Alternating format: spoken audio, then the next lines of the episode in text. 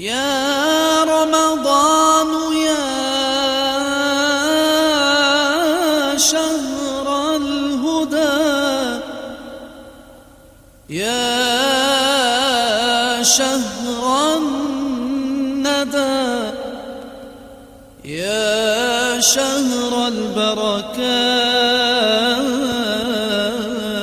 الحمد لله رب العالمين له النعمة وله الفضل وله الثناء الحسن.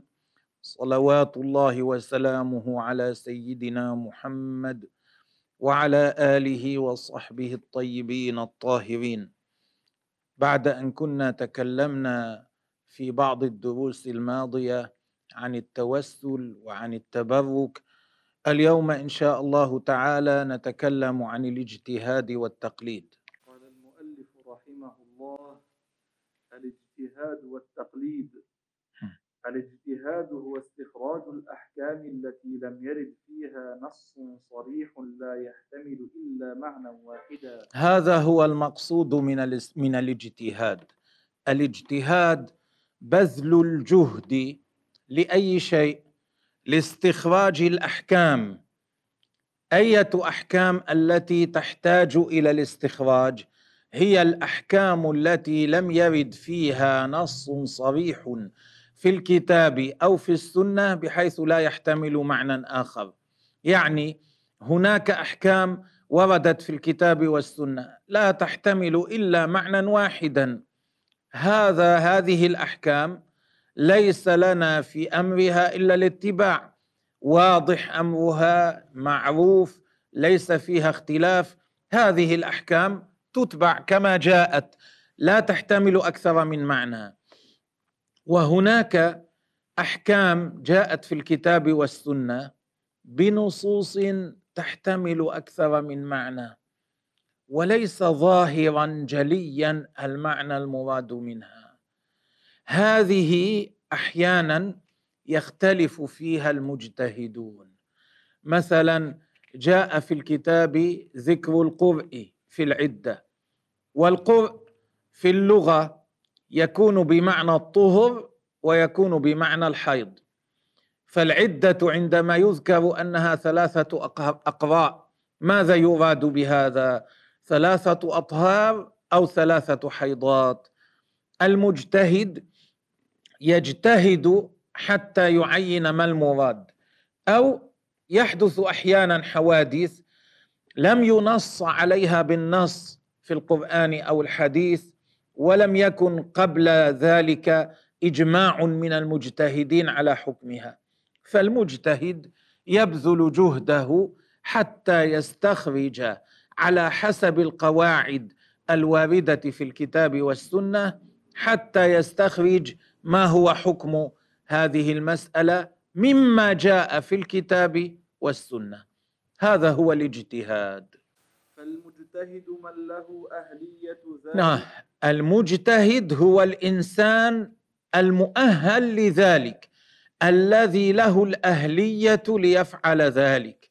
هذه رتبة عالية لا ينالها كل أحد بل لا ينالها إلا القلة القلة من العلماء. نعم. بأن يكون حافظا لآيات الأحكام وأحاديث الأحكام. آه. اولا الآن يذكر ما هي الصفات التي لا بد من توفرها في الإنسان حتى يكون مجتهدا. الصفة الأولى أن يحفظ الآيات المتعلقة بالأحكام كلها وأن يحفظ الأحاديث المتعلقة بالأحكام بأسانيدها كلها. م. ومعرفة أسانيدها. كما ذكرنا. ومعرفة أحوال رجال الإسناد. وأن يكون عارفا بأحوال رجال أسانيد هذه الأحاديث. هذا قوي هذا ضعيف هذا ضعيف الحفظ هذا كذاب هذا صادق. لا بد أن يكون عارفا بأحوال الرجال. هذا التقى بالذي يروي عنه أو يروي عن إنسان لم يلتقي به. إذا وصله خبره من طريق آخر إلى آخره لا بد أن يكون عالما بأحوال رجال الأسانيد. ومعرفة أحوال رجال الإسناد ومعرفة الناسخ والمنسوخ. ولا بد أن يعرف الناسخ والمنسوخ يميز الناسخ من المنسوخ لأن القرآن والحديث فيه ناسخ وفيه منسوخ. معنى النسخ أن يتوقف العمل بحكم سابق بحكم كان أوحي إلى النبي عليه الصلاة والسلام. يتوقف العمل به بسبب إيش؟ بسبب نزول حكم بعده حكم يختلف عنه بعده. هذا هو النسخ. مثلا كانت العدة على المرأة في السابق سنة ثم نسخ ذلك. عدة المتوفى زوجها كانت سنة ثم نسخ ذلك فصار أربعة أشهر وعشرة أيام أو بوضع الحمل إذا كانت حاملة. فإذا هذا هو النسخ. توقف بعد نزول الحكم الثاني توقف العمل بالحكم الأول وصار العمل على الحكم الثاني. طيب الذي لا يعرف الآيات الناسخة من المنسوخة؟ كيف يأمن أن يستدل بآية منسوخة على حكم من الأحكام؟ لذلك لا بد أن يكون المجتهد عالما بالناسخ من المنسوخ في القرآن وفي حديث رسول الله صلى الله عليه وسلم. والعام والخاص. أيضا لا بد أن يعرف ما هو العام من الآيات والأحاديث وما هو الخاص؟ لأن هناك آيات وأحاديث وردت بلفظ عام لكن لا يراد منها الشمول إنما هناك أشياء تستثنى منها يراد منها شيء مخصوص. إذا لم يكن عارفا بالعام والخاص إذا لم يستطع التفريق بين العام والخاص فإنه عند ذلك قد يستدل بحديث أو بآية يظنها شاملة وهو لا يعلم أن لها مخصصا خصصها. مثلا جاءت آيات وأحاديث أن أن الولد مثلا يرث من أبيه أو فلان يرث من فلان. لكن هذا مخصوص. جاء أيضا في الشرع أنه إذا كان قاتلا للمورث لا يرثه إذا كان لا يعرف هذا كيف يميز؟ كيف يبني الحكم؟ قد يبني الحكم على أساس أن الآية شاملة لكل الحالات ويكون في الحقيقة هناك وتكون في الحقيقة هذه الآية مخصوصة وهو لا يعرف. لذلك لا بد أن يعرف العام والخاصة أيضا من الآيات والأحاديث. والمطلق والمقيد. أيضا لا بد أن يكون عارفا بالمطلق والمقيد. معناه الشيء يذكر في موضع من المواضع ليس مقيدا بصفة معينة أو حال معين لكن في موضع آخر يتبين أنه مقيد. مثلا في بعض النصوص الشرعية عتق رقبة. ما ذكر ما قيدت بأنها مؤمنة؟ ما قيد بأنها لا بد أن تكون مؤمنة. لكن في مواضع أخرى ذكر القيد أنها لا بد أن تكون مؤمنة. فعلم أن الموضع الأول المقصود بالرقبة التي تعتق العبد الذي يحرر أن يكون مؤمنا. إذا لم يعرف المطلق من المقيد كيف يعرف هذا؟ قد يحكم بخلاف ما جاء في نص في نص الشرع. ومع إتقان اللغة العربية إيه. بحيث إنه يحفظ مدلولات ألفاظ النصوص على حسب اللغة التي نزل بها القرآن أيضا يشترط من جملة الشروط أن يكون عارفا باللغة العربية معرفة قوية وتكون هذه المعرفة على حسب ما كان العرب يتكلمون به حين نزل القرآن على النبي عليه الصلاة والسلام. يعني كيف كان العرب يتكلمون لغتهم أصلا؟ ليس على التركيبات التي استحدثت في أيامنا ولا على حسب الكلمات المستحدثة في أيامنا بل لا بد أن يعلم أن يكون عارفا معرفة قوية باللغة.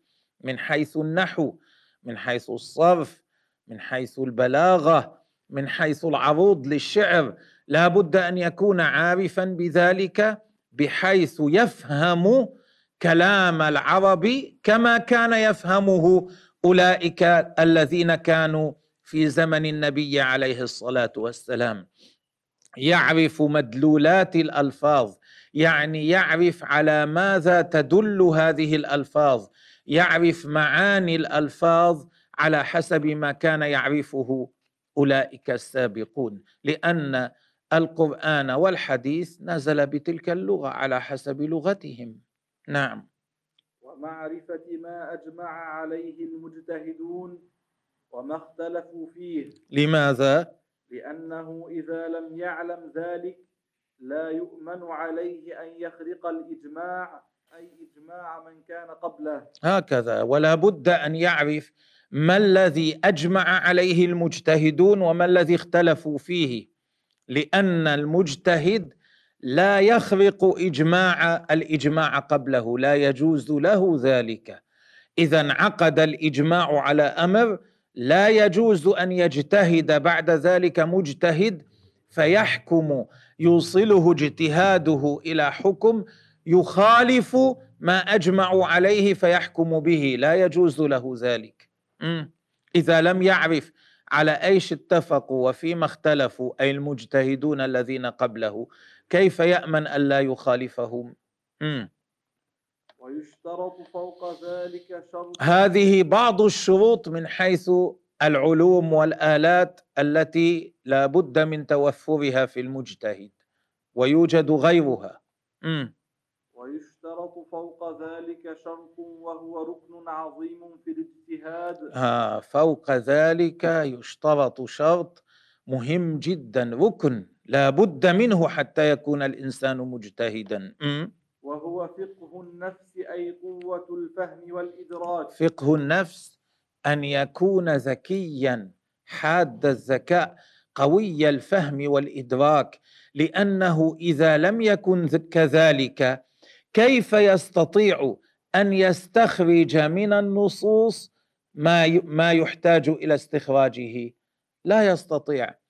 إنسان ما عنده ذكاء تعطيه أدوات بناء بيت لا يستطيع أن يبنيه ولو كانت الأدوات موجودة عنده. إنسان ما عنده الذكاء الكافي. لو أنك علمته وحفظ القواعد الطبية لا يعرف أن يداوي المريض لا يعرف كيف يطبق تلك القواعد. فالمجتهد يحتاج إلى ذكاء حاد حتى يعرف كيف يفكر في النصوص الشرعية وكيف يطبق قواعد الاجتهاد حتى يستنبط الحكم من هذه النصوص. لأن الحكم في أحيان كثيرة لا يكون ظاهرا جليا بحيث يعرفه كل أحد. فإذا لم يكن كذلك ولم يكن للمجتهد فطنة وقوة إدراك حتى يستخرج الحكم من هذه النصوص كيف يستخرج الحكم؟ نعم. وتشترط العدالة وهي السلامة من ال... آه. أيضا حتى يسأل حتى يجوز استفتاء هذا المجتهد وحتى يجوز الأخذ بكلامه هناك شرط لا بد منه وهو أن يكون عدلا. ما تعريف العدالة؟ وهي السلامة من الكبائر. الشرط الأول فيها أن يكون سالما من الكبائر ألا يكون واقعا في كبيرة من الكبائر أي ولا في الكفر لأنه أكبر الكبائر. م. ومن المداومة على الصغائر. ولا بد أن يكون سالما من المداومة على الصغائر. يعني لا يكثر من الصغائر الذنوب الصغيرة بحيث تزيد صغائره على حسناته. لأنه إذا أكثر يدل بحيث زادت صغائره على حسناته. دل ذلك على تهاون عنده بأمر الدين وهذا كبيرة من الكبائر. لذلك يشترط عدم عدم الكفر لابد عدم الكبيرة وعدم المداومة على الصغيرة. ومن المداومة على الصغائر بحيث تغلب على حسناته من حيث العدد. إيه إذا أما إذا ارتكب بعض الصغائر هذا لا يسقطه من الأعين ولا ينزل مرتبته من أعين الناس. من يسلم من هذا؟ لذلك آه، الشرط ليس عدم ارتكاب الذنب بالمرة. الشرط الا يكون مرتكبا للكبيرة والا يصر على الصغيرة. وأيضا هناك شيء زائد لا بد منه وهو أن يكون متخلقا بأخلاق أمثاله. لأن الذي لا يتخلق بأخلاق أمثاله لا يرضاه الناس. لا يرضى الناس أن يشهد ولا يرضون سلوكه ليسألوه. لا يكون ثقة في أعينهم. فإذا لا بد من الإسلام السلامة من الكبائر عدم الإصرار على الصغائر وأن يكون متخلقا بأخلاق أمثاله. العلماء أهل الفضل عندما نقول أمثاله يعني من أهل الفضل ليس من الرعاع السفهاء بل أن يكون خلقه كخلق أمثاله من أهل الفضل. إذا كان عالم لابد أنه عالم. كيف هو سلوك العلماء؟ لابد أن يكون ملتزما به. وأما المقلد فهو الذي لم يصل إلى هذه المرتبة. من وصل إلى مرتبة الاجتهاد هذا إذا حدثت حادثة لم يرد حكمها نصا صريحا في القرآن أو في السنة ولا أجمع عليها المجتهدون قبله هذا يبحث في نصوص الكتاب والسنة حتى يستخرج حكم هذه الحادثة. أما من لم يصل إلى هذه المرتبة وهم أكثر الناس بل أكثر من يسمى بالعلماء في أيامنا فهؤلاء يسمون مقلدين. هؤلاء حظهم أن يقلدوا المجتهد. يسألونه فيأخذون بما أجابهم. فاسألوا أهل الذكر إن كنتم لا تعلمون. هذا حظهم. يسألون المجتهد فيجيبهم. والدليل على أن المسلمين على هاتين المرتبتين نعم قوله صلى الله عليه وسلم م. نضر الله امرأ نضر الله امرأ جعل وجهه نضرا في الآخرة م. حسن وجهه جعله حسن الوجه م. نضر الله امرأ سمع مقالتي فوعاها فأداها كما سمعها. دعا النبي عليه الصلاة والسلام لمن يسمع حديثه فيبلغه كما سمعه من غير أن يحرف شيئا في معناه.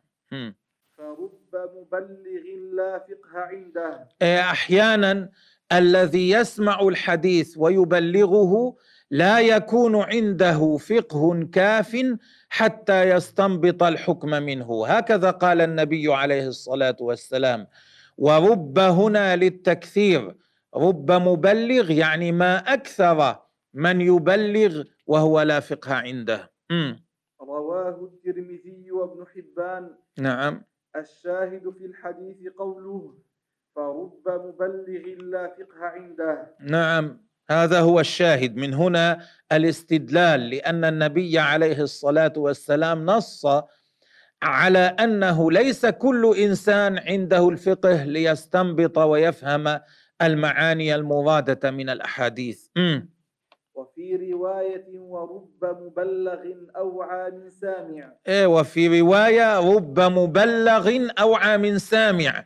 قد يسمع إنسان الحديث مني ويبلغه لغيره فيكون الذي سمعه مني ليس فاهما لمعناه بالقدر الذي يفهمه الإنسان الذي بلغه هذا الحديث. المبلغ الذي بلغ هذا الحديث أحيانا يكون أفهم من السامع. أوعى له يستطيع أن يستنبط منه ما لا يستطيعه السامع. فإنه يفهمنا أن ممن يسمعون الحديث من الرسول صل صلى الله عليه وسلم من حظه أن يروي ما سمعه لغيره. هذا هذا حظه. إلى هنا يستطيع. ضبط ما سمع ورواه كما سمعه. هذا حظه. ويكون هو فهمه أقل من فهم من يبلغه. أما من حيث الفهم من يقول يروي له الحديث يكون أفهم منه بمعانيه. بحيث إن من يبلغه هذا السامع يستطيع من قوة قريحته أن يستخرج منه أحكاما ومسائل. نعم. ويسمى هذا الاستنباط. نعم. الشافعي رضي الله عنه كان له شيخ راوي حديث مشهور عالم كبير. كان أحيانا تطرح المسألة فلا يجيبون فيها ثم الشافعي يجيب. يقول له هذا شيخه هذا من أين أجبت؟ يقول أنت حدثتنا عن فلان عن فلان. فيكون الشافعي استنبط من الحديث الذي سمعه من الشيخ ما لم يصل هذا الشيخ العالم إلى استنباطه. رب مبلغ أو عام سامع والذي سمع ليس عنده هذه القريحة القوية. نعم. إنما يفهم المعنى الذي هو قريب من اللفظ. يفهم معنى اللفظ لا يفهم المعنى البعيد الذي يستخرج منه. من هنا يعلم أن بعض الصحابة يكون أقل فهما ممن يسمع منهم حديث رسول الله. صلى الله عليه وسلم. يعني أن بعض التابعين قسم من التابعين كان عندهم فهم في الحديث ومعانيه أكثر مما عند الصحابة. الصحابي سمع الحديث فهم معناه الظاهر أداه كما سمعه. لكن التابعي بعضهم لقوة فهمه يفهم منه ويستنبط ما لا يستطيع أن يستنبطه الصحابي الذي أخبره بهذا الحديث ورواه له. وفي لفظ لهذا الحديث فرب حامل فقه إلى من هو أفقه منه. أحيانا الإنسان ينقل إلى غيره فقها ينقل إلى غيره أشياء تساعده على فهم الأحكام ويكون هذا الذي ينقل إليه أعلم من الذي ينقل. نعم.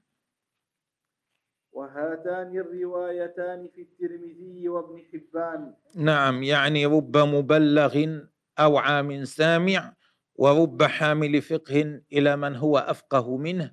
هاتان الروايتان رواهما الترمذي وابن حبان. م. وهذا المجتهد هو مورد قوله صلى مورد الله عليه وسلم. مورد أي الذي ورد فيه. هذا المجتهد هو مورد قوله أي هذا المجتهد هو الذي ورد فيه قوله صلى الله عليه وسلم.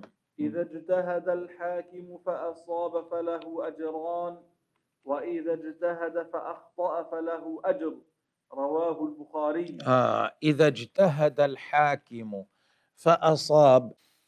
الحاكم إذا كان وصل إلى رتبة الاجتهاد فاجتهد فحكم فكان حكمه مصيبا اجتهاده أوصله إلى الحكم الصحيح له أجران.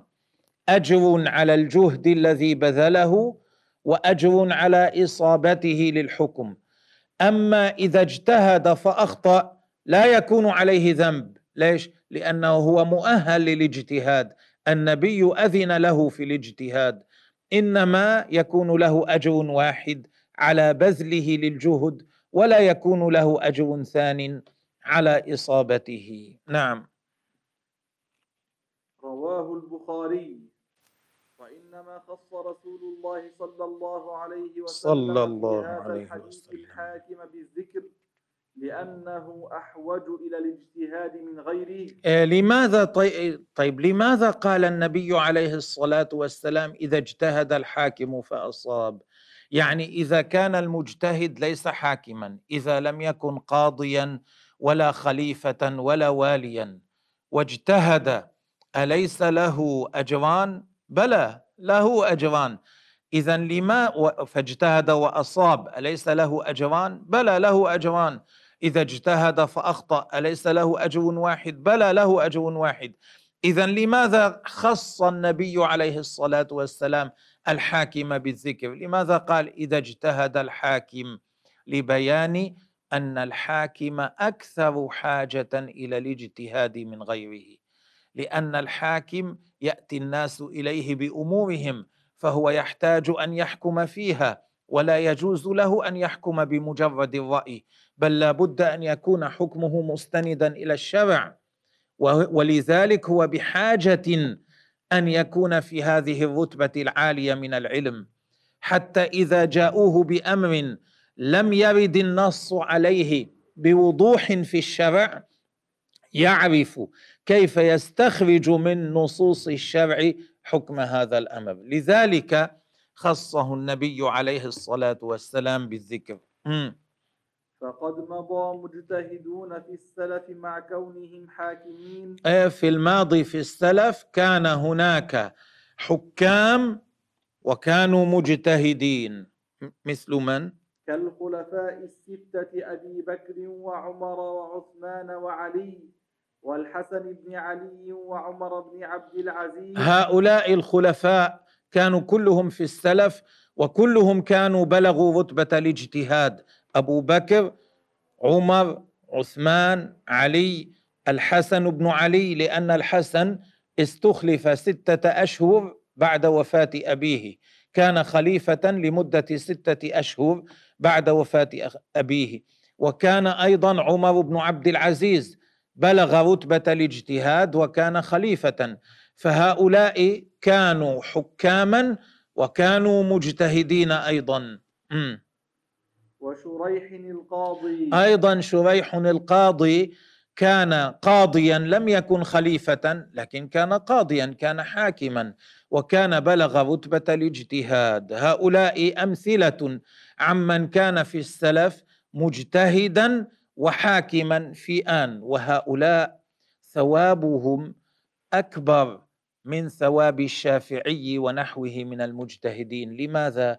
لأنهم كانوا مجتهدين مثلهم وزيادة على ذلك طبقوا حكم الشرع طبقوا الحكم بالسلطة التي كانت بأيديهم. اجتهدوا وطبقوا الأحكام التي اجتهدوا فيها وغيرها. نعم.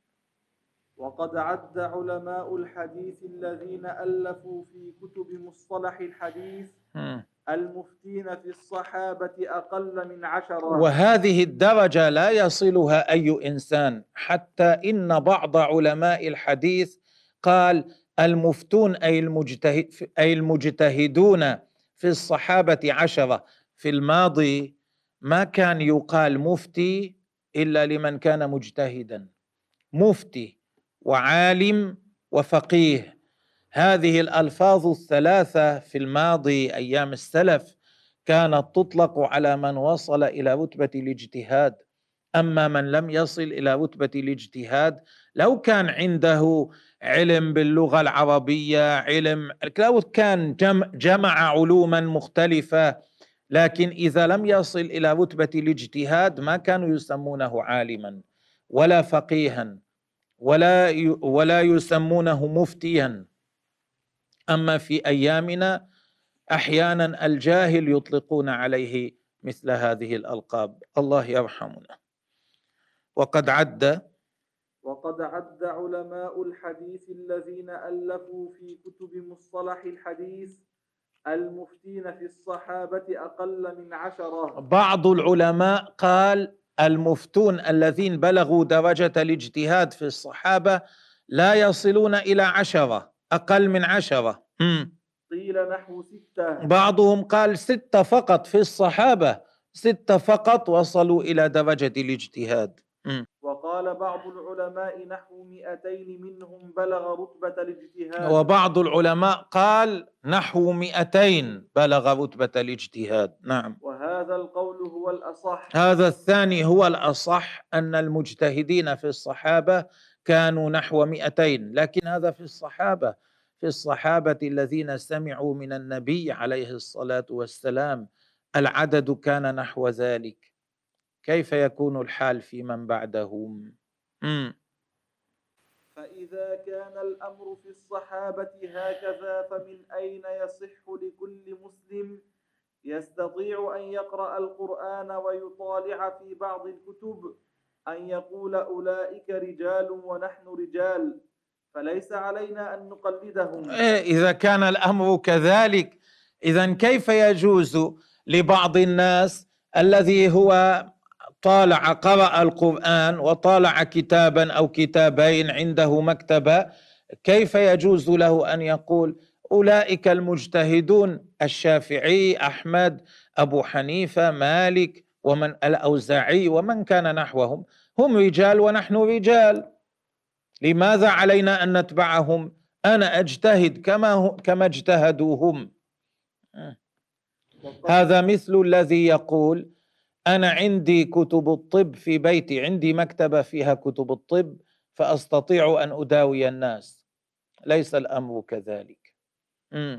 وقد ثبت أن أكثر السلف كانوا غير مجتهدين. بل أكثر السلف لم يكونوا مجتهدين.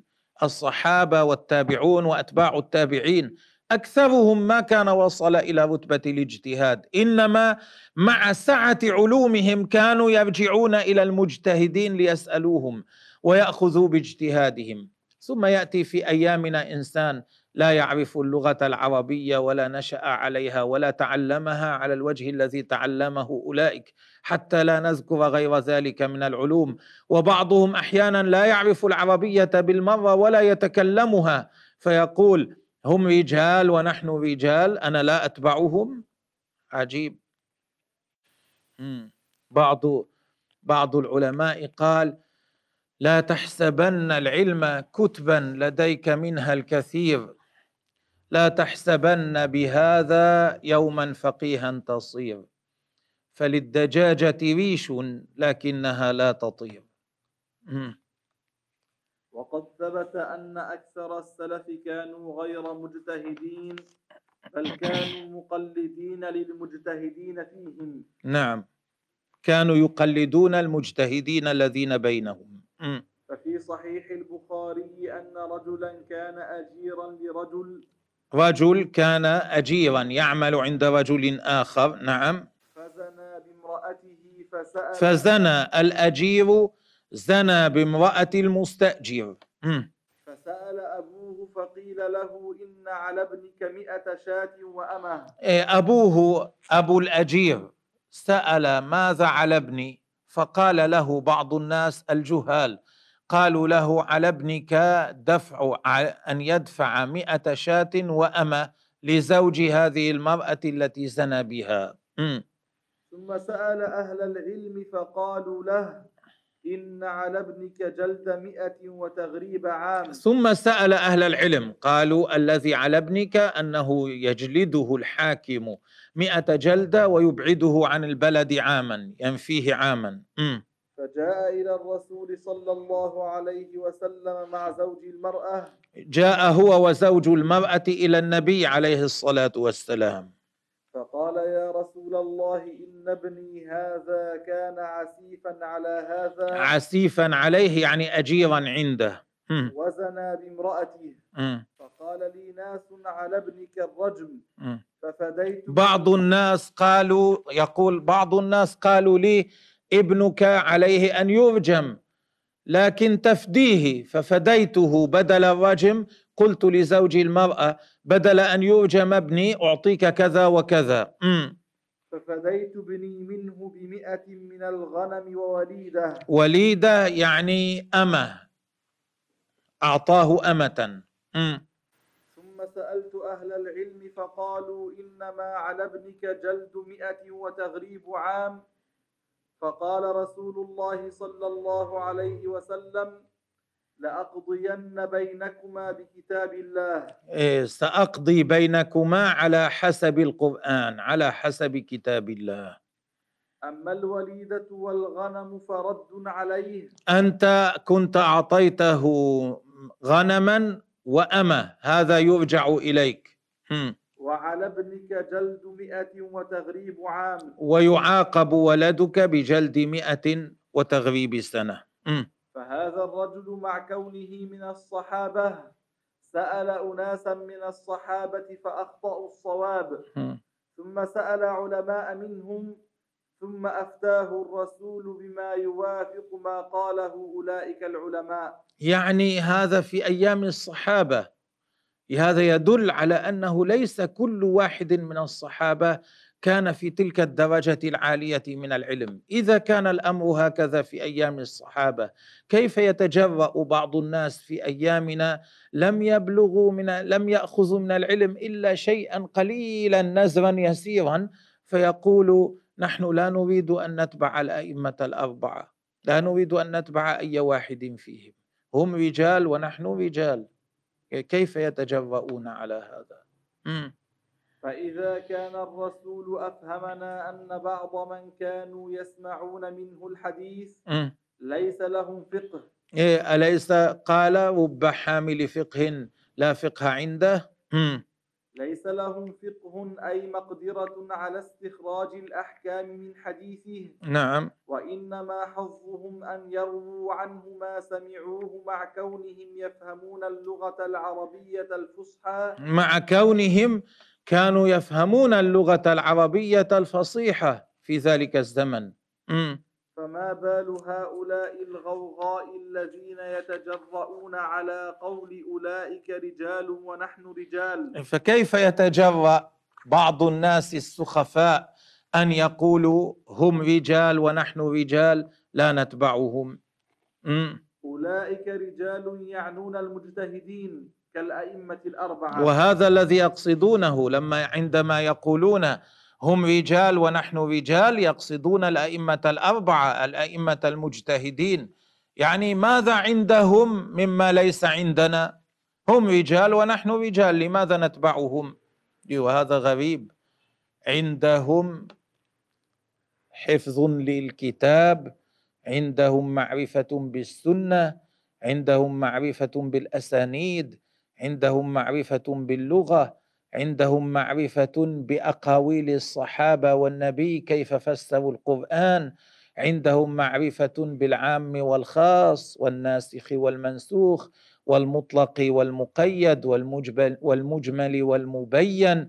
يعرفون النحو يعرفون الصرف يعرفون البلاغة يعرفون غير ذلك من الأمور مع شدة الذكاء والقبيحة. كل هذا بتوسع. وهؤلاء ما عندهم عشر عشر عشر عشر عشر عشر عشر ما عند هؤلاء. ثم يقولون هم رجال ونحن رجال. نعم في الصورة أولئك رجال وهؤلاء رجال. لكن في المعنى بون كبير وفوق شاسع كما بين السماء والأرض. في هذا, في هذا المعنى ما أخرجه أبو داود من قصة الرجل الذي كانت برأسه شجة. كان أصيب في رأسه فشج رأسه. فأجنب في ليلة باردة أفاق في ليلة باردة جنبا. فاستفتى من معه فقالوا له اغتسل استفتى بعض الناس الذين ما عندهم علم كاف قال قالوا له اغتسل. فاغتسل فمات فاغتسل فمات بسبب ذلك لأنهم قالوا له أن يغسل الموضع المصاب وكان بسبب شدة البرد في تلك الليلة لا يناسب ذلك. ففعل اغتسل كما قالوا له فعل فعل فأصيب مات بسبب ذلك. م. فاغتسل فمات فأخبر رسول الله صلى, صلى الله عليه وسلم فقال قتلوه قتلهم الله. دعا عليهم النبي عليه الصلاة والسلام. قتلوه قتلهم الله لأنهم أفتوا بغير علم. م. ألا سألوا إذ لم يعلموا؟ ألا سألوا المطلوب عليهم أن يسألوا إذا كانوا لا يعلمون لا أن يفتوا من عند أنفسهم. فإنما شفاء العي السؤال. الجاهل ينتفي يذهب جهله إذا سأل أهل العلم وهذا الذي كان ينبغي عليهم أن يفعلوه. العي الجهل. أي شفاء الجهل السؤال؟ أي سؤال أهل العلم. ومن هنا يعلم أنه لا يجوز أن يستفتي الإنسان أي شخص. ليس لمجرد أن الإنسان حج بيت الله أو أن الإنسان يعرف أن يقرأ القرآن أو أن الإنسان يعرف أن يتكلم باللغة العربية الفصحى الفصيحة. ليس لمجرد هذا يجوز استفتاؤه. بل لا بد أن يكون عنده علم كاف فيما يستفتى فيه.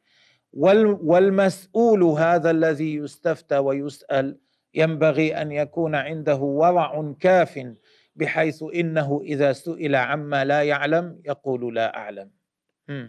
وقال عليه الصلاة والسلام إنما كان يكفيه أن يتيمم ويعصي كان يكفيه بدل أن يغسل هذا الموضع أن يتيمم ويعصب على جرحه خرقة. نعم. ويعصب على جرحه خرقة ثم يمسح عليها فلا يجعل الماء يصيب هذا الموضع. يعصب خرقة يمسح على الخرقة ويغسل.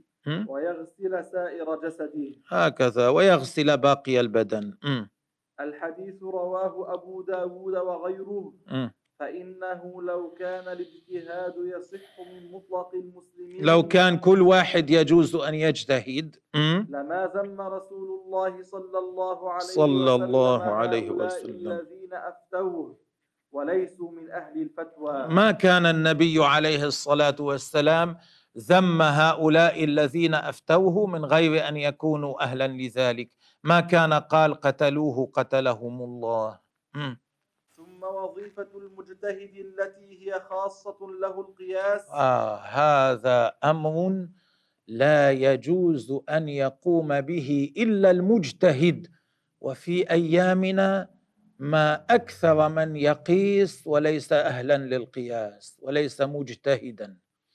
الذي لا يحفظ آيات الأحكام في القرآن كلها كيف يقيس؟ يمكن يقيس قياسا يكون مخالفا يكون مخالفا لحكم الآية لحكم آية في القرآن. لكن لأنه لا يحفظ الآيات لا يعرف. إذا كان لا يحفظ الأحاديث كيف يأمن أن يخالف حديثا من أحاديث الرسول عليه الصلاة والسلام؟ ثابتا. إذا كان لا يعرف الإجماع كيف يأمن أن يخرق الإجماع؟ إذا كان لا يعرف اللغة العربية على وجهها معرفة قوية كيف يفهم ما هي معاني الآيات والأحاديث حتى يعرف أن يستنبط منها إلى آخره؟ وما هو القياس؟ القياس هو أن تحدث مسألة فينظر المجتهد فيها فلا يجد فلا يجد نصا صريحا في الكتاب ولا في السنة ولا في إجماع المجتهدين قبله يبين حكمها. طيب إذا كان لا يوجد نص ماذا يفعل؟ هذا المجتهد ينظر في الأحكام في المسائل في الحالات التي ورد فيها نص صريح في الكتاب والسنة فينظر هل هناك وجه شبه بين هذه المسألة وبين المسألة التي وردت في القرآن والسنة بحيث يعرف أن حكمهما واحد فإذا وجد وجه الشبه يقول عند وكان لا يوجد مانع يمنع من حمل هذه الحادثة الجديدة على الحادثة القديمة. إذا كان لا يوجد مانع يمنع من ذلك وكان هناك هذا الشبه الذي هو العلة التي تجمع بينهما. عند ذلك المجتهد يعطي حكم الحادثة الجديدة نفس الحكم للحادثة القديمة التي ورد حكمها في الكتاب والسنة. فهذا ليس شيئا هينا. هذا ليس شيئا يقوم به أي كان. إنما هذا لا يقوم به إلا العلماء الكبار الذين بلغوا تلك الرتبه العالية التي تشبه رتبة أبي حنيفة والشافعي ومالك وأحمد. هذه وظيفة خاصة بالمجتهد. اليوم في أيامنا بعض الناس الذين ما عندهم من العلم شيء أحيانا يكونون جهالا وأحيانا يكون عندهم علم قليل. لم يبلغوا ربع عشر ثلث أولئك الناس يتجرؤون فيقيسون. النووي مع علو شأنه لم يكن يجتهد. النووي كان يحفظ القرآن يحفظ الأحاديث يعرف أسانيد الأحاديث. واسع المعرفة بلغة العرب واسع المعرفة بعلوم أخرى. بالأصول أصول الفقه وغير ذلك واسع المعرفة بفقه المذهب الشافعي عنده اطلاع على المذاهب الأخرى ومع ذلك كان لا يتجرأ على الاجتهاد. بل قال علماء المذهب الشافعي إن رتبة النووي تصل إلى الترجيح فقط. إذا كان هناك في المذهب قولان رأيان هو يستطيع أن يرجح رايا على رأي فقط وليس له أن يقيس أو يجتهد. الإمام الرافعي مع تلك الرتبة العالية التي كانت له قالوا أيضا هو من أهل الترجيح فقط. الحافظ ابن حجر مع سعة العلم التي كانت عنده قالوا حتى رتبة الترجيح ما وصل إليها. إنما حظه أن ينقل ما قال الذين قبله. ليس هذا شيئا سهلا كما يظن بعض الناس في أيامنا. ليس كل إنسان يجوز له أن يجتهد ويقيس إنما هذا وظيفة المجتهدين. القياس شيء خاص بالمجتهد. ثم وظيفة المجتهد التي هي خاصة له القياس. أي أن يعتبر ما لم يرد به نص بما ورد فيه نص لشبه بينهما. هذا كما شرحناه.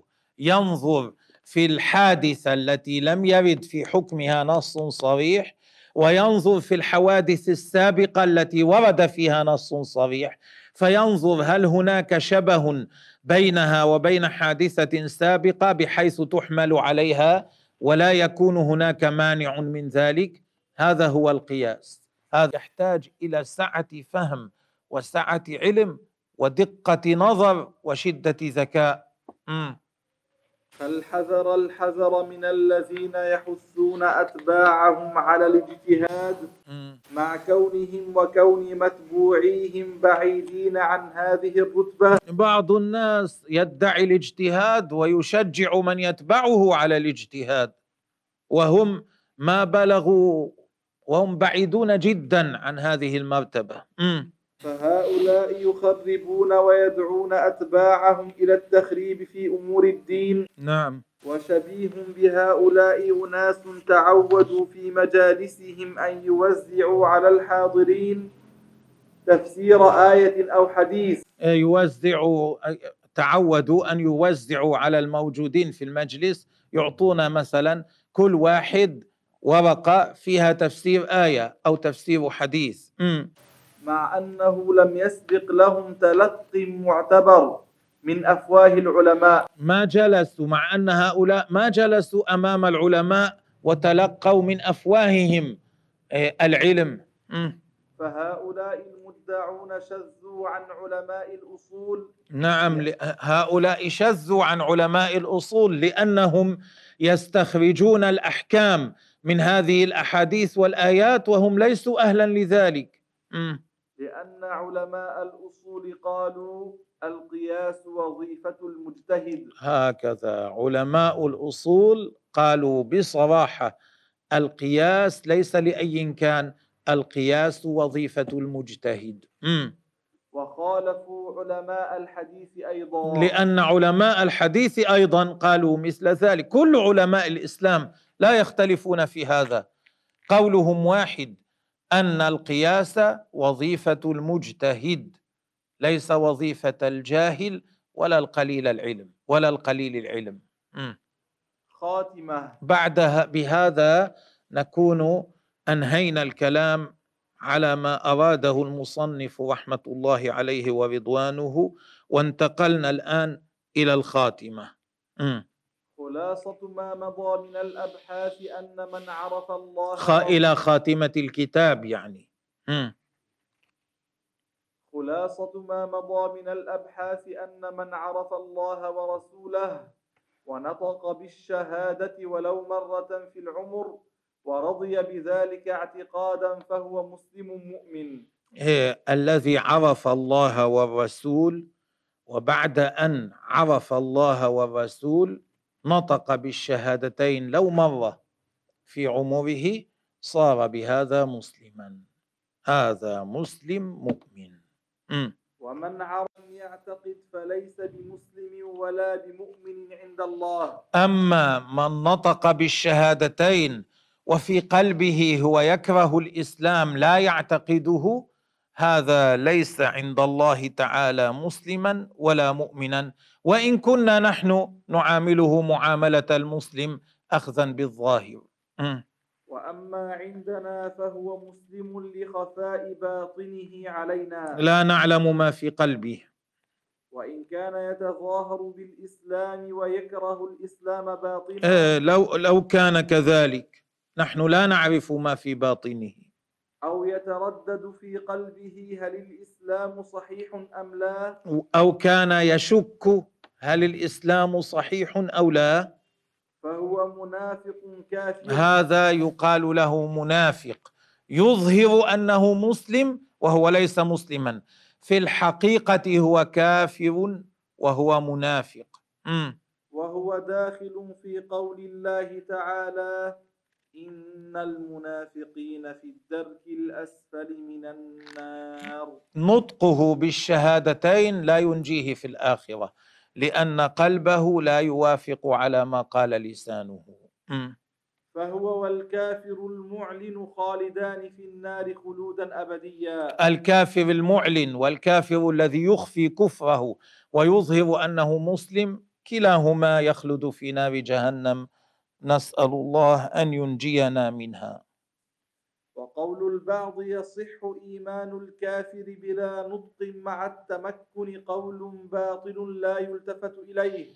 إيه، سبق أن ذكرنا أن الكافر إذا أراد أن يدخل في الإسلام لا بد أن يعتقد بقلبه وينطق بلسانه. إذا اعتقد بقلبه ولم ينطق بلسانه يبقى كافرا. لو كان في قلبه اعتقد بالشهادتين.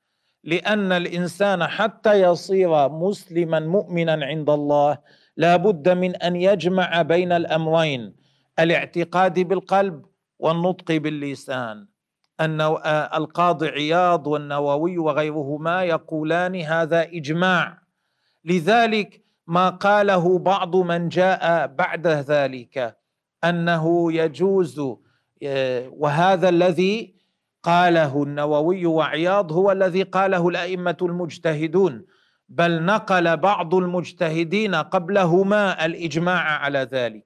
طيب إذا كان الأمر كذلك فما جاء به بعض الناس بعد هذا من قولهم إذا كان الإنسان كافرا وصدق بقلبه بالشهادتين لو لم ينطق بلسانه بهما عند الله يصير مؤمنا. عندنا نعتبره كافرا. لا نعلم ما في قلبه لكن عند الله هو مؤمن. هذا القول باطل غير صحيح لا يلتفت إليه لأنه خارق للإجماع ولا يتفق مع نصوص القرآن والحديث. نصوص القرآن والحديث تدل على أنه لا بد من أن يجمع مع الاعتقاد بالقلب النطق باللسان حتى يصير الكافر مسلما مؤمنا عند الله تعالى. فمن قال بخلاف ذلك فقد خالف الكتاب والسنة والإجماع فهو قول باطل لا يلتفت إليه. وقال بعضهم من نشأ بين أبوين مسلمين يكفيه المعرفة والاعتقاد لصحة إسلامه وإيمانه لو لم ينطق بالمرة. هذا الذي قلناه في من كان كافرا ثم صار مسلما. أما من ولد بين أبوين مسلمين فهو منذ الولادة محكوم له بالإسلام تجري عليه أحكام الإسلام بالتبعية لوالده. يتبع والده المسلم بما أن الوالد مسلم الوالد يشمل الأب والأم. بما أن أباه مسلم أو أمه مسلمة تجري عليه أحكام الإسلام يحكم له بالإسلام.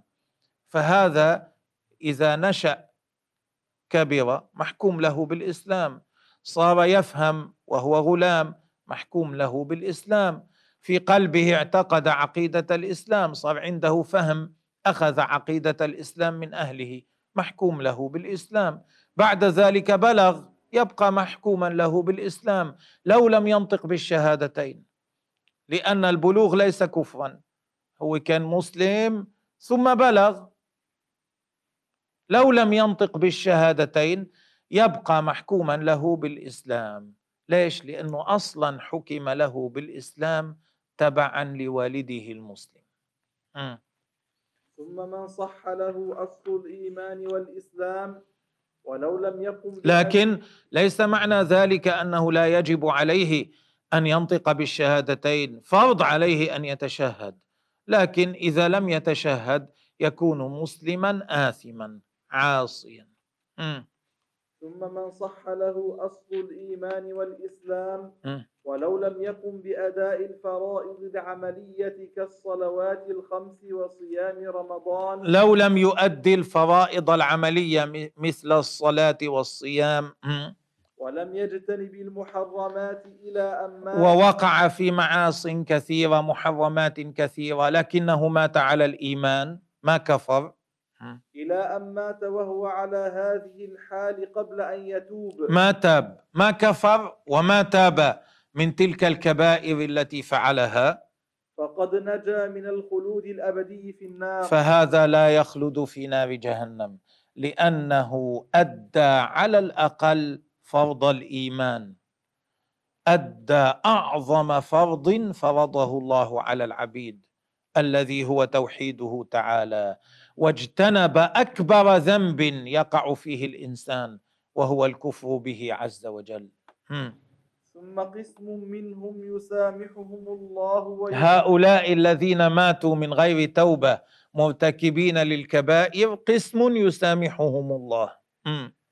ثم قسم منهم يسامحهم الله ويدخلهم الجنة بلا عذاب. بفضله ورحمته سبحانه. وقسم منهم يعذبهم ثم يخرجهم ويدخلهم الجنة. وقسم لا يسامحهم الله بل يعذبون في النار. وهؤلاء قسمان. قسم بعد أن يعذبوا مدة يشفع لهم بعض الشافعين فيخرجون قبل أن تمضي المدة التي يستحقونها وقسم يبقون في العذاب إلى أن تمضي المدة التي يستحقونها. لا يشفع لهم أحد. ثم يخرجهم الله. يأتي يوم يقول الكفار الذين في النار أنتم الذين آمنتم أيها المؤمنون ماذا نفعكم إيمانكم؟ أنتم معنا. عندما يقولون ذلك يخرج الله المؤمنين الذين يعذبون في النار منها فيزداد الكفار حسرة على حسرة. حسرة تقتل لو كان هناك موت في الآخرة لكن لا موت في الآخرة. يبقون في النار معذبين إلى ما لا نهاية له. نسأل الله أن يحفظنا من ذلك. والله أعلم بمن يسامحه ومن لا يسامحه. ولا نعرف من الذي يسامحه الله ومن الذي يسامحه. هو أعلم. وأما من مات بعد أن تاب فأدى جميع ما افترض الله عليه واجتنب المحرمات فهو كأنه لم يذنب. أما الذي كان أذنب ثم تاب ثم ثبت على هذه التوبة ما رجع إلى المعاصي التي فعلها فأدى الواجبات واجتنب المحرمات واجتنب الكبائر. هذا كأنه ما أذنب قبله لأن التوبة تمحي تمحو الحوبة. م. لقوله صلى الله عليه وسلم التائب من الذنب كمن لا ذنب له. كأنه ما أذنب. م. حديث صحيح رواه ابن ماجه عن ابن مسعود. نعم. وفي صحيح البخاري أن رجلا قال يا رسول الله أسلم أو أقاتل. نعم. قال أسلم ثم قاتل. إيه، كان هذا الرجل ذهب مع قومه من المسلمين إلى القتال حمية. تحمس لأن قومه مسلمون فذهب معهم ليقاتل. ولم يكن هو مسلما. ثم قبل نشوب القتال الله غير قلبه. غير ما في قلبه. فقال يا رسول الله أسلم أم أقاتل؟ أنا لست مسلما. أدخل في الإسلام أو أقاتل؟ مم. قال أسلم ثم قاتل. فقال له عليه الصلاة والسلام أسلم ادخل في الإسلام ثم قاتل. مم. فأسلم فقاتل فقتل. أسلم قاتل قتل ما صلى لله فرضا واحدا. أسلم ثم باشر القتال فقتل في تلك المعركة شهيدا نعم فقال رسول الله صلى الله عليه وسلم الله عليه وسلم. عمل قليلا وأجر كثيرا العمل الذي عمله قليل لكن الأجر الذي حصله كثير حصل أجر الشهادة مم. بعد أن كان الإسلام أذهب ذنوبه كلها. أي لأنه نال الشهادة بعد أن هدم الإسلام كل ذنب قدمه. نعم. فالفضل للإسلام لأنه لو لم يسلم لم ينفعه أي عمل يعمله. فينبغي على الواحد منا أن يحافظ على إيمانه وإسلامه. هذا أعظم نعمة أنعم الله تعالى بها على العبد. نعمة الإيمان والإسلام. نعم. وهذا الرجل كان التحق بالمجاهدين من أجل أن قومه الذين هم مسلمون خرجوا من غير أن يسلم. نعم. ثم ألهمه الله أن يسأل الرسول. صلى الله عليه سأل وسلم. فأرشده الرسول صلى الله عليه وسلم إلى أن يسلم ثم يقاتل. كما بينا. فالإنسان إذا كان على الإسلام على الإيمان عمل قليل قد ينفعه ويأجره وي- ويثيبه الله عليه ثوابا عظيما. أما إذا لم يكن على الإسلام فمهما عمل من الأعمال الحسنة فإن الله لا يعطيه ذرة ثواب عليها في الآخرة. نعم. خاتمة الخاتمة. ليفكر العاقل في قول الله تعالى ما يلفظ من قول إلا لديه رقيب عتيد. كل قول يتكلمه الإنسان يكتبه الملكان رقيب وعتيد. ليفكر الإنسان في هذا. قبل أن يتكلم ليزن كلامه. لينظر هل هذا الكلام الذي يريد أن يقوله هل هذا الكلام الذي خطر بباله أن يقوله موافق للشريعة أو غير موافق أو غير موافق للشريعة. إذا كان غير موافق للشريعة يرده لا يقبله ولا يتكلم به. إذا كان فيه خير يتكلم به. هكذا ينبغي أن يفعل الإنسان. مم. فإن من فكر في ذلك علم أن كل ما يتكلم به في الجد أو الهزل أو في حال الرضا أو الغضب يسجله الملكان. لأن الله قال ما يلفظ من قول قول نكرة قبلها نفي. والنكرة إذا جاءت في سياق النفي أفادت العموم. فهذا يدل على أن كل أقواله يكتبها الملكان. في حال الجد وفي حال الهزل في حال الرضا وفي حال الغضب في كل الأحوال يكتب الملكان ما يقوله الإنسان.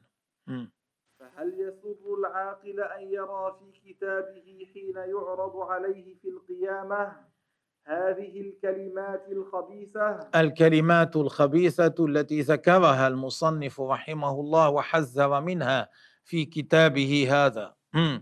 بل يسوءه ذلك ويحزنه حين لا ينفع الندم.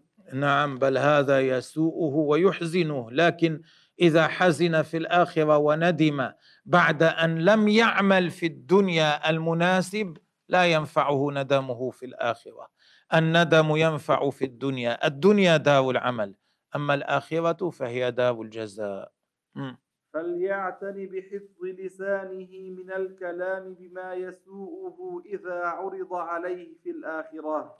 لذلك ينبغي أن يعتني الإنسان بحفظ لسانه مما يسوءه من الكلام الذي لا يسره بل يحزنه إذا عرض عليه في الآخرة. والطريق إلى ذلك أمران أن يتعلم وأن يعمل بما تعلم. لأنه إذا لم يتعلم لا يفرق بين الصحيح والباطل لا يفرق بين الحسن والقبيح. التفرقة بين الحسن والقبيح لا يستقل بها العقل. عقولنا لا تستقل بذلك. إذا اعتمدنا فقط على عقولنا عقولنا لا تستطيع أن تدلنا ما هو الحسن وما هو القبيح. بل لا بد في ذلك من اتباع ما جاء به رسول الله صلى الله عليه وسلم. وهذا الاتباع للرسول عليه الصلاة والسلام لا يحصل إلا بالتعلم. كيف يتبع الإنسان رسول الله عليه الصلاة والسلام؟ ينام يعني في المنام يرى أن هذا شيء حسن وهذا قبيح؟ أو يتبع ما يخطر له من خواطر وما يهجس في باله من هواجس لا. إنما النجاة باتباع ما جاء به نبي الله عليه الصلاة والسلام. واتباع ما جاء به نبي الله عليه الصلاة والسلام لا يمكن إلا بعد معرفته. ومعرفته تكون بتعلم شرعه الذي جاء به. وهذا التعلم يكون بالجلوس بين أيدي أهل العلم وأخذه من أفواههم أهل العلم الثقات العارفين وبالسؤال عما لا يعلم والاستفسار عما لم يفهم هكذا يحصل الإنسان العلم. إذا حصل القدر الذي يجب عليه تعلمه من علم الدين عند ذلك عليه أن يتع... أن يعمل به. هذا هو الأمر الثاني. أن يطبق ما تعلم. ليس أن يتعلم ثم يترك ما تعلم خلف ظهره. ويتصرف بخلافه بل لا بد أن يكون تصرفه مبنيا على ما تعلمه الا يدخل في أمر حتى يعلم ما أحل الله منه وما حرم. قبل أن يقدم على أي شيء قبل أن يصلي يتعلم كيف تكون الصلاة صحيحة. قبل أن يتوضأ يتعلم كيف يكون الوضوء صحيحا. قبل أن يحج يتعلم كيف يكون الحج صحيحا. قبل أن يصوم يتعلم كيف يكون الصيام صحيحا. قبل أن يشتري يتعلم كيف يكون شراء هذا الأمر صحيحا. قبل أن يبيع كذلك. قبل أن يعقد عقد اجاره كذلك. قبل أن يدخل في شركة كذلك. قبل أن يتعامل مع أهل بيته يتعلم ما الذي ينبغي وما الذي لا ينبغي. ما هو ما هي الحقوق التي لغيره عليه وماذا له على غيره من الحقوق؟ إذا لم يتعلم كيف وجه الشرع إلى تربية أولاده كيف يعرف أن يربيهم على ما ينبغي؟ إذا لم يعرف ما هي حقوقه على زوجه وما حقوق زوجه عليه كيف يتصرف مع زوجه كما ينبغي؟ إذا كان معلما يعلم إذا لم يتعلم ما الذي عليه تجاه التلميذ وما الذي على التلميذ تجاهه كيف يتصرفان أحدهما مع الآخر على ما ينبغي؟ وهكذا في سائر الأمور. لا بد أن يتعلم الإنسان. شجرة نبتت وذهبت أغصانها فوق أرض الجار. ما الحكم؟ كل هذا لا بد أن يتعلمه قبل أن يدخل في أمر فيه قبل أن يدخل في قبل أن يدخل فيه قبل أن يدخل في خصام مع الجار لا بد أن يعرف ما هو حكم الشرع في ذلك وأن يلتزم بحكم الشرع في هذا الأمر. قبل أن يخاصم إنسانا في بيت هو له أو للآخر لا بد أن يعرف ما هو حكم الشرع في هذا البيت. قبل أن يفعل قبل أن يطلق زوجته إذا أراد أن يطلقها. لا بد أن يعرف كيف يكون الطلاق حتى يفعله من غير أن يقع في معصية الله تبارك وتعالى. وماذا يترتب عليه بعد الطلاق لها؟ وهي لا بد أن تعرف ماذا عليها إذا طلقها زوجها. كل هذه الأمور وأمثالها كثير لا ينبغي أن يدخل فيه الإنسان قبل أن يتعلم ما أوجب الله عليه تعلمه فيه. إذا أراد أن يعطي أولاده مالا ليشتروا لابد أن يتعلم. يصح منهم الشراء أو لا يصح. إذا أراد أن يعطي انسانا شيئا ليوصله إذا أعطاه إنسان أمانة لابد أن يتعلم كيف تحفظ الأمانة. قبل أن يقبلها ويتعامل بشأنها على الوجه الذي لا يوافق عليه شرع الله تبارك وتعالى. وهكذا الأمور كلها. لا نجاة إلا بهذين الأمرين. هذه طريق النجاة العلم والعمل. نسأل الله تعالى أن يجعلنا من أهل من أهل هذه الطريق. امضي. قال رسول الله صلى الله عليه وسلم نعم. خصلتان ما إن تجمل الخلائق بمثلهما. وفوق هذا الذي قدمناه ختم المصنف رحمه الله بحديث لرسول الله صلى الله عليه وسلم عظيم النفع. فقال هناك خصلتان ما أحسنهما. ما أحسن أن يتحلى المؤمن بهما. حسن الخلق وطول الصمت. الخصلة الأولى حسن الخلق والخصلة الثانية طول الصمت. أما طول الصمت فلأنه ينجيه من مهالك كثيرة لأن أكثر خطايا الإنسان من لسانه. فمن تعود أن طول السكوت وأن لا يتكلم إلا فيما يعنيه نجا من مهالك كثيرة يورد يوردها اللسان غيره. والأمر الثاني حسن الخلق.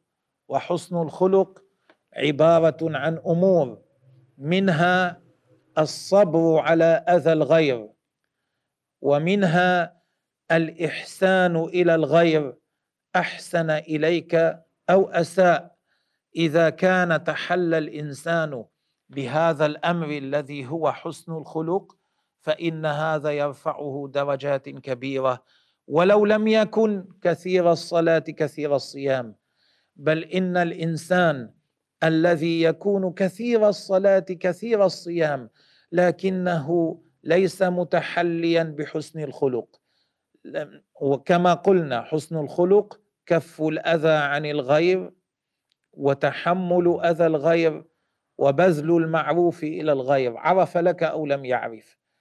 إذا تحلى الإنسان بهذا الأمر ولم يكن كثير الصلاة ولا كثير الصيام وكان هناك غيره ممن لم يتحل بهذا الخلق وهو كثير الصلاة كثير الصيام كثير الإقبال على الطاعة.